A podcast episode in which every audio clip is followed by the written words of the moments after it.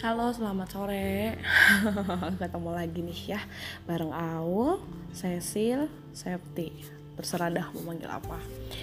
Dan di sore ini nih tanggal berapa ya sekarang? Tanggal 23 September. Masih bulan September nih, masih bulan-bulan ulang tahun gitu kan. Baru banget trending ke umur 23 tahun. Ya ampun gila gue udah tua banget ya.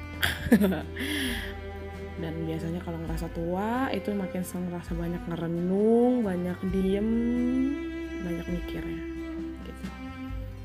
Dan ya itu yang terjadi di diri gue di mana lagi didukung dengan keadaan yang ada di desa gitu.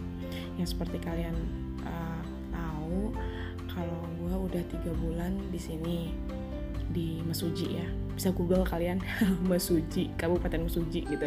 Ada di Provinsi Lampung. Dan ini beneran jauh banget. Kayak kalau kalian perjalanan ke sini itu gak ada kendaraan. Ada sih kendaraan darat. One and only itu bus. Bus cuman bus yang bisa nyampe ke sini gitu. Jadi nggak ada kereta ataupun travel ada sih tapi travel bakalan pricey banget. Dan itu juga cuma dari unit 2 gitu dan gue biasanya nyetir kan biasanya uh, oh ya gue di sini kan tiga bulan dari bulan Juli nih sampai Agustus.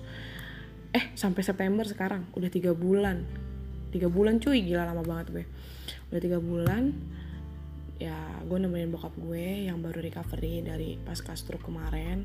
Nggak mungkin bokap gue sendirian di sini gitu kan. Dan kalaupun ada pembantu ataupun supir kayak nggak bisa aja gitu nggak cocok. Karena bokap gue kan maunya ada aja dan takut juga emosinya naik turun gitu kan. Jadi udahlah keluarganya aja.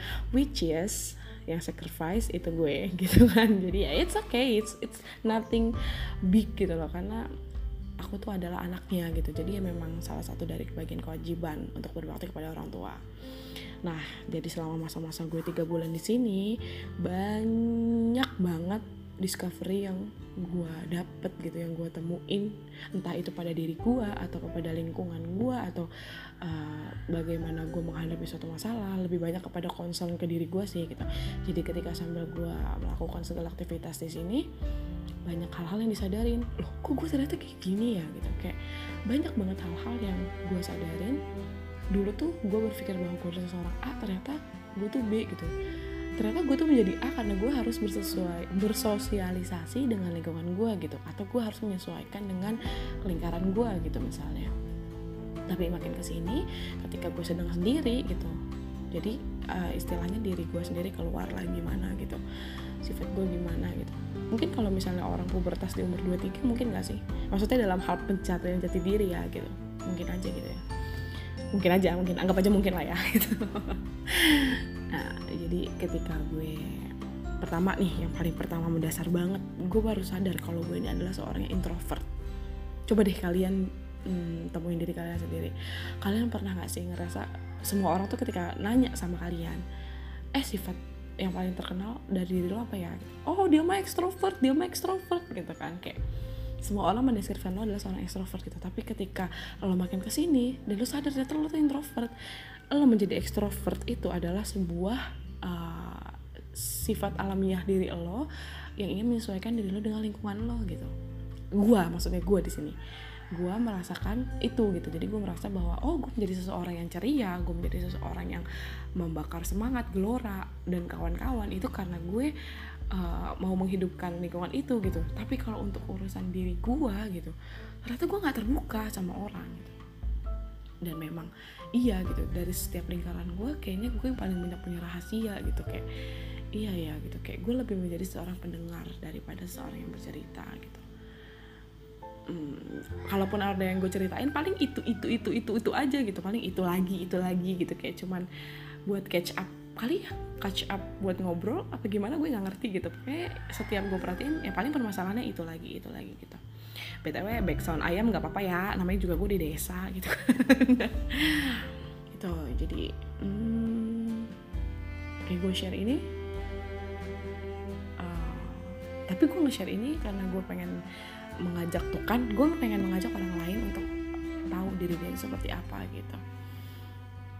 Kemudian yang kedua lagi ternyata gue itu orangnya masih sangat-sangat belum mature jadi tuh gue baru nyadar ketika gue udah lama di sini terus kayak gue mau kayak gini nggak bisa nggak bisa gitu. Kayak dulu gue ngerasa gue mecer banget gitu loh karena gue kan kayak ya perasa gimana ya anak pertama gitu kan dari tujuh bersaudara gue punya enam adik dan gue udah ditinggal dari maksudnya ditinggal nyokap bokap gue kerja di luar kota gitu. Jadi gue bertujuh di rumah gitu kan kayak gue ngerasa oh gue udah mecer gitu. Tapi ternyata itu nggak sempurna. Maksudnya itu ya itu lagi-lagi adalah sebuah defense dari diri gue untuk menyesuaikan diri dengan lingkungan saat itu gitu. Tapi ketika gue tinggal sendiri brek gue bingung gue buta arah gitu. Kayak hmm gue nggak tahu harus ngapain gue kadang salah ngambil arah gitu. Dan kadang dan sekarang gue nggak malu gitu untuk nanya gitu karena gue butuh itu gitu sekarang. Kayak mi aku harus apa ya mi? Jadi mi itu juga baru nyadar uh, ternyata uh, Aulia itu gini ya gitu. Ternyata belum gede kamu tuh ya gitu kan ngomongnya. Kayak bahkan ketika gue mau membeli sesuatu pun itu gue foto gitu kan. Terus gue ngomong mi aku boleh nggak beli ini? Gitu. Even duitnya tuh duit gue gitu atau gimana pasti gue bilang dulu mi aku boleh nggak beli ini? Gitu. Jadi kayak menurut nyokap gue masih belum bisa mengambil keputusan itu gitu. Itu belakangan belakangan belakangan. Dan ketika gue sudah menjalani tiga bulan di sini gitu kan merasakan itu kayak oh iya gue dulu belum mecer ya gitu. Tapi sekarang kayak gue pelan pelan untuk merubah itu gitu. Dan itu terasa gitu karena gue di sini sendirian bokap gue sakit gue yang ngurus dan gue nggak ada pegangan ke siapa-siapa dong gitu kan. Kayak banyak banget keputusan yang harus gue ambil sendiri. Kayak misalnya ada jam 2 pagi harus nyetir gue mau secapek apa pun gue nyetir tetap gitu kan. Terus kayak uh, bokap gue ada rapat dadakan terus gue packing barang-barang semuanya terus lagi-lagi gue nyetir. Gue pernah lo nyetir dari jam gue baru nyampe Masuji jam 4 sore terus jam 8 malamnya tuh gue udah harus nyetir lah dari Masuji ke Bandar Lampung. Sebenarnya itu badan gue udah mau hancur banget sih gila. Tapi ya udah gimana lagi nih? Gue kan ke sini buat bokap gue gitu. Bokap gue ada kerjaan yang harus diselesaikan dan gue juga harus mendukung itu gitu. Fungsi gue di sini ya itu membantu mempermudah bokap gue gitu kan. Gitu. jadi ya udah gue nyetir itu sumpah uh, gimana ya lo biasanya nyetir bensin gitu premium atau pertalite terus tiba-tiba lo terus nyetir mobil solar yang uh, giginya susah uh, koplingnya dalam dan suaranya ngegereng gitu. Kayak itu juga udah challenge buat diri gue sendiri dan gue harus nyetir malam-malam di mana ya arena yang gue nggak pernah gitu. Maksudnya gue nggak pernah nyetir dari Mesuji ke Bandar Lampung gitu sebelumnya gitu gila banget gitu. Tapi di situ gue kayak modal Bismillah dan sebagainya. Jadi akhirnya gue nyetir. Itu gue nyampe di hotel jam 2 pagi. Jam 2 pagi ya seperti lo tahu bokap gue kan harus mandi dan segala macam juga. Gue unpack lagi jadi gue bawa koper itu ke atas gue yang check in gue buka. Seperti biasa lah pokoknya gue ngurusin gitu kan. Walaupun badan gue juga capek gitu kan tapi bokap gue juga pasti capek gitu. Jadi udah akhirnya selesai paginya sama gue nyetrika baju bokap gue dulu terus nganterin sarapan segala macam nganterin ke kantor baru gue balik lagi ke hotel untuk packing barang. Karena sorenya gue udah harus balik lagi ke Mas Uji itulah kebanyakan kehidupan gue kayak gitu kayak ya banyak di jalan gitu. Yang lebih seru lagi sih kemarin sih waktu gue ke Jogja itu wah keren banget gue sama adik gue. Kayak refreshing kita tuh cuman sebentar sisanya tuh ya bolak balik hotel bener-bener kayak take care our dad gitu. Ya bener-bener ya emang tanggung jawabnya kita gitu gitu. Cuman ada beberapa hal-hal yang kayak orang-orang lihatnya kayak di update sosial media gitu kan sampai ada yang mencibir gitu kayak wah lo enak banget lo ya lo nggak kerja tapi lo liburan gitu kan. Enak banget lo ya hmm, gitu kan. Gue kayak hmm hmm, hmm, hmm, gitu. Ya udah iyain aja lah gitu biar gak usah ribet gitu males gitu kan. Ya gitu jadi banyak banget hal-hal yang gue jadi mecer gitu karena kejadian ini gitu. Gue jadi ngambil keputusan harus ini harus itu. Gue bisa ngelarang bokap gue untuk gak bisa makan ini gak bisa makan itu dan sebagainya gitu kan. Terus ya berhubung dengan sosmed tadi itu ya mau nggak mau maksudnya di sini gue dan perlu kalian tahu untuk orang-orang yang seumuran gue di sini di daerah gue simpang pematang itu nggak banyak. Jadi di sini tuh banyaknya itu adalah ibu-ibu nenek-nenek atau anak-anak jadi tuh yang seumuran gue kayak remaja-remaja nggak ada. Bahkan di masjid yang dekat rumah gue tuh nggak ada rismanya gitu loh. Jadi kayak aduh gue kekurangan teman banget untuk saling bertukar pikiran gitu. Jadi ya ada nih. Maksudnya beberapa orang-orang yang masih stay sama gue yang keep in touch kontakan gitu kan. Hai guys terima kasih ya. Makasih banget kalian stay sama gue di mana pun kalian berada. I love you gitu kan. Kalian dengerin ya gitu banyak banget. Ya kalau gue sebutin nanti kesenjangan sosial ya kalian tau lah yang ngechat gue hari-hari aja lah. Pokoknya kalian lah pokoknya gitu. Jadi mereka masih stay sama gue sampai sekarang dan itu yang ah, ngurangin kayak kadang-kadang nyadarin gue ayo lo harus terbuka. Kadang-kadang kan gue tuh anaknya dulu apalagi kuliah gue suka banget debat gitu. Kayak mm, debat tuh kayak keren. Bukan keren sih gue lebih kayak seru gitu loh. Gue bisa tahu pemikiran orang-orang dari berbagai sisi gitu kan. Nah kadang-kadang gue tuh apalagi lagi banyak kasus kayak gini kan yang era apa karhut lah lah uh, ibu kota lah pengen banget gue tuh debat gitu kan kadang kalau misalnya dari grup doang tuh kayak nggak seru gitu loh. Jadi ya tapi ujung-ujungnya gue debat sama bokap gue. Untung uh, uh, gue sama bokap gue tuh punya pola pikir yang berbeda banget gitu loh. Jadi kita tuh sering banget debat dan itu diseru sih di situ. Cuman kadang-kadang gue harus kontrol diri karena ntar kalau bokap gue emosi darahnya naik lalalala gitu kan. Gitu. Terus ya banyaklah hal-hal yang bikin gue jadi uh, major enough gitu. Satu hal yang gue percaya dari semua adalah gue percaya Tuhan itu adil gitu. Kayak kayak yang kejadian tadi tuh yang teman gue iri sama gue gue jadi mikir gini oh iya ternyata orang tuh ngelihatnya gue gini ya gitu.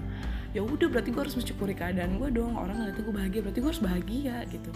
Jadi dibalik eh, gue ngerasa sedih ternyata tuh ada yang bahagia seharusnya. Tapi karena gue ketutupan sedih capek gitu kan jadi gue nggak ngerasain kebahagiaan dan keba dan kesenangan itu gitu. Seharusnya gue nikmatin juga gitu dengan perasaan senang gitu. Nah di situ gue yakin banget dan percaya banget Tuhan itu adil gitu. Tinggal semua tuh tinggal kepada manusianya aja sih gimana gitu. Gue juga nggak menyalahkan kalau lo nggak percaya Tuhan. Gue punya beberapa temen yang nggak percaya Tuhan gitu.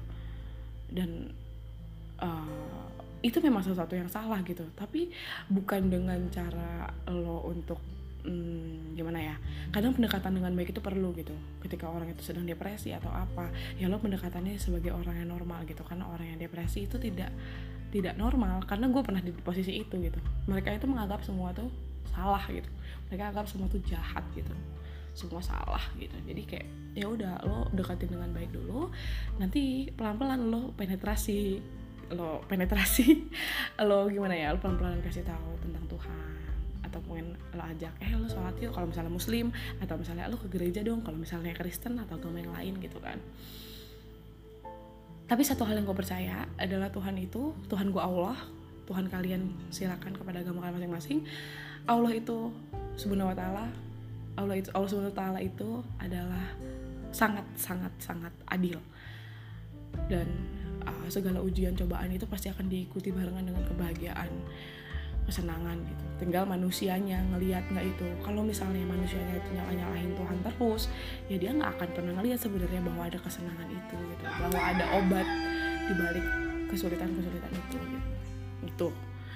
Jadinya kalau misalnya mau gue rangkum sih kayak uh, di sini tuh kok kayak meditasi gitu ya kayak pengenalan diri gue lagi sendiri. Mungkin kalian butuh gitu tapi yang nggak se ekstrim gue ke desa gitu nggak. Mungkin kalian butuh untuk menjauh dari semua sosial media yang toksik gitu kan atau kalian uh, shut up diri kalian dari lingkaran kalian dulu untuk kalian tahu diri kalian gimana.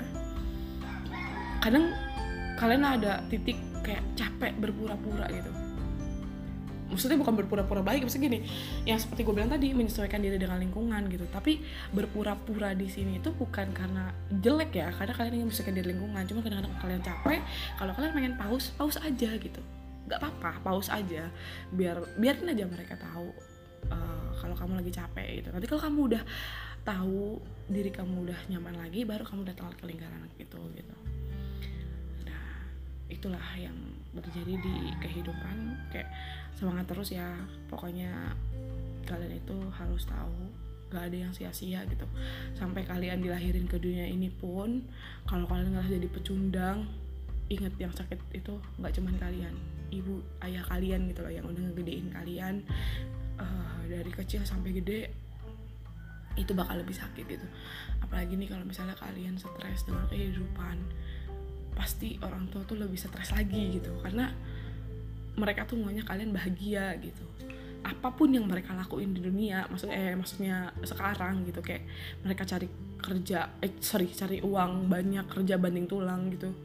Semata-mata ya buat kalian juga gitu anak-anaknya. Jadi uh, kalau bisa kalian jangan menghadapi suatu masalah yang kecil tuh uh, stres gitu langsung apa-apa tuh stres gitu coba dikelola lagi emosinya. Sharing sharing itu bener-bener membantu. Maksudnya kalau kalian punya teman yang kalian percaya kayak gue punya satu dua yang gue percaya sharing itu butuh banget karena itu emang obat gitu. Jangan pernah mendem sendiri. Bukan kalian nggak bakal mecer dengan itu gitu loh. Nggak bakal mecer dengan mendem sendiri. Itu yang ada kalian malah bikin penyakit. Entah itu ntar jadi penyakit hati jadi penyakit yang beneran jantung segala macam darah tinggi gitu kan. Ya bersyukur terus bener-bener bersyukur terus kalian mau di atas mau di bawah mau di kota mau di desa mau kerja mau nganggur. Pokoknya bersyukur terus. Tuhan itu adil Allah subhanahu wa ta'ala itu adil. Kalian tuh lahir ke dunia nggak percuma gitu. Karena ada orang lain yang seneng ketika kalian lahir gitu. Minimal ibu ayah kalian. Lebih luasnya lagi ya pendamping kalian nanti gitu misalnya oke? Okay? pokoknya kuat terus hidup itu berputar jadi kalian jangan pernah ngerasa stuck.